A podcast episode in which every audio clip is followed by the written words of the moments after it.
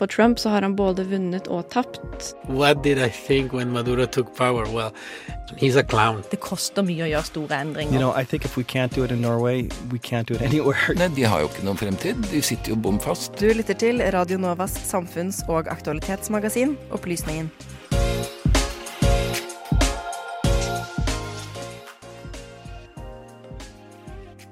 Norge er i unntakstilstand.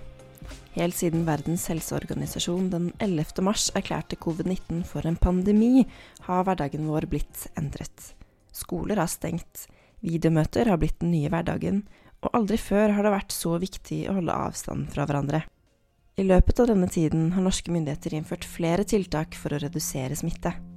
Blant annet vedtok Stortinget tirsdag den 24. mars koronaloven. Der ble det bestemt at regjeringen kan sette til side 62 lover dersom det er nødvendig.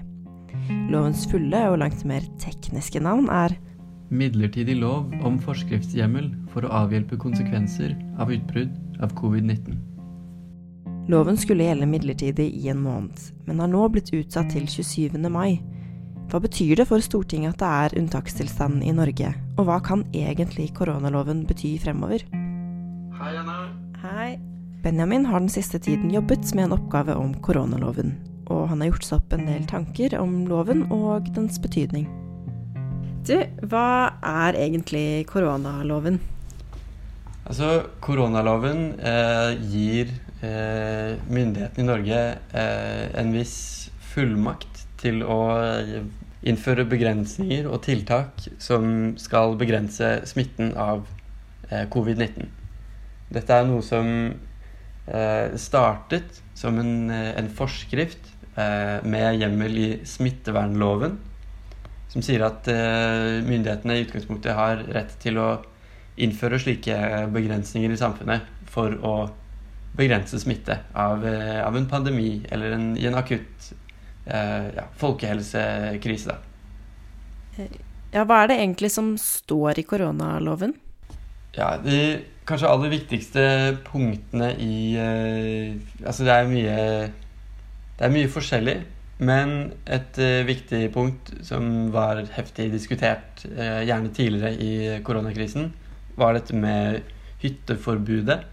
Den 19. mars innførte regjeringen et forbud mot å reise til hytter utenfor sin egen hjemkommune. Dersom noen skulle oppholde seg på hytta og trosse forbudet, risikerte de en bot på 15 000 kroner. Forbudet ble møtt av massiv kritikk, og den 20. april opphevet forbudet og er ikke lenger gjeldende. Det er veldig uvanlig. Det er jo ikke noe vi generelt tenker på som nødvendig. Um, det var også da kommuner i Distrikts-Norge som da spurte militær om hjelp. Så det var en veldig, veldig uvanlig og litt bisarr eh, situasjon. Norge er jo underlagt et helt system av internasjonale lover og et, et regelverk som Norge må følge. Vi har implementert i vår egen grunnlov, så står det eh, i menneskerettighetsloven av 1999 at eh, vi har inkludert en rekke traktater og konvensjoner, som f.eks. Den europeiske menneskerettighetskonvensjonen, inn i vårt norske lovverk. Så hytteforbudet kan jo ses på som en eh, innskrenkning av retten til privatliv eh, ja, under EMK, eh, artikkel 8.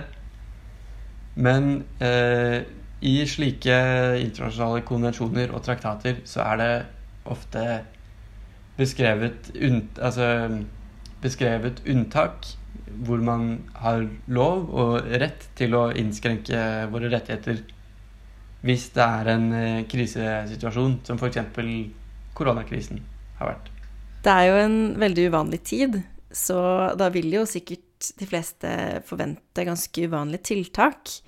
Men likevel, rundt om i verden så er det veldig mange som frykter for at en unntakstilstand kan føre til at f.eks. regjeringen eller myndighetene misbruker makten sin. Hvorfor tror du det er sånn, og er det egentlig noen grunn til å frykte det samme i Norge? Nei, det er, det er, vanskelig å si hva vi i det hele tatt skal være fryktelig redde for i, i, i Norge. En ting som er verdt å merke seg, er at uh, myndighetene har god grunn til å innskrenke våre rettigheter. Men hvis, begynner, hvis, det dreier seg om krenkelser, altså alvorlig misbruk av makt uten egentlig noe god begrunnelse, da, kan vi, da nærmer vi oss en situasjon der det er mer, eh, ja, det er mer grunn til å føle, føle frykt. Da. En utfordring er jo at det er nettopp regjeringen og ikke Stortinget som startet arbeidet med å, eh, med å lage denne loven. Det er jo eh, tradisjonelt i et eh, demokratisk samfunn så skal vi jo ha en tredeling med en maktfordelingsprinsippet så skal jo regjeringen være liksom den utøvende makten, men ikke, ja, ikke den lovgivende makten. At denne, disse skillelinjene kan bli litt, eh, ja, kan bli litt grå. Hvis vi hypotetisk skulle vært på utkikk etter uh, misbruk, eller tegn til misbruk, så kunne vi ha sett etter uh, ting som hadde vært mer åpenbare. Hvis f.eks. hvis tiltakene varer urimelig lenge, hvis maktpersonene involvert ser ut til å ha en eller annen personlig vinning ved å opprettholde krisetiltakene, så ville det være en, eh, ja, mer, gi mer grunnlag for eh, mistanke om misbruk. Da. Men det er også eh, verdt å se på overvåkning. For dette er jo et tema som eh, gjerne kommer opp i, i sammenheng med, med Kina Sør-Korea og eh, gjerne Russland. Myndigheter i andre deler av verden har gjort mer drastiske grep. I Sør-Korea kan du unngå å gå i fotsporene til en koronasmittet ved å se på et kart på telefonen. Israels statsminister Benjamin Netanyahu innførte en hastelov som gjorde det lovlig å bruke mobildata for å spore smitte. Felles for begge land er at de driver svært presis overvåkning, og har blitt internasjonalt kritisert for å gripe inn i privatlivet til sine borgere.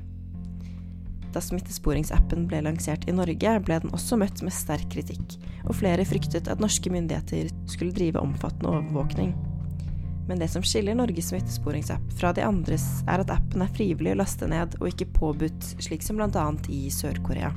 Vi har i hvert fall i Norge eh, stor grad av tillit til politikere. Det er noe som kanskje skiller, skiller Norge ganske mye fra andre land eh, i verden. Hvorfor tror du det er viktig at vi har eh, tillit til politikere, sånn som vi har i Norge, i en uh, unntakssituasjon da, som denne her? Jeg tror for at myndighetene skal kunne, kunne, handle effektivt og i det hele tatt gjennomføre viktige tiltak for å stoppe smittespredningen, så må det eksistere en viss grad av tillit mellom befolkningen som disse tiltakene går utover, og eh, myndighetene som innfører dem. Man kan jo se for seg en situasjon der en befolkning som oppfører seg eh, Hva kan man si eh, ulydig, liksom. Som, som ikke tar smittesituasjonen på alvor. Det vil jo typisk være fordi man ikke, kanskje ikke stoler på myndighetenes evne til å avgjøre om, ja, om, det er nødvendig å innføre kjempestrenge tiltak. Om, om, man rett og slett ikke tror på korona. Hvis uh, man er av oppfatningen at covid-19 er uh, er bare oppspinn, og uh, det er noe politikerne finner på for å, ja, for å gagne seg selv, så er det åpenbart at det er en veldig uheldig situasjon i det hele tatt å finne seg i. Takk til deg som har hørt på denne podkasten. Vi kommer til å fortsette å publisere denne typen innhold helt til vi har mulighet til å lage vanlige sendinger igjen. Medvirkende til denne episoden av Belyst var Benjamin Nordtømme og meg selv, Anna Lea Poppe. Dersom du vil lytte mer til Belyst, ligger første episode også ute på din foretrukne podkastplattform. Vi høres igjen neste uke.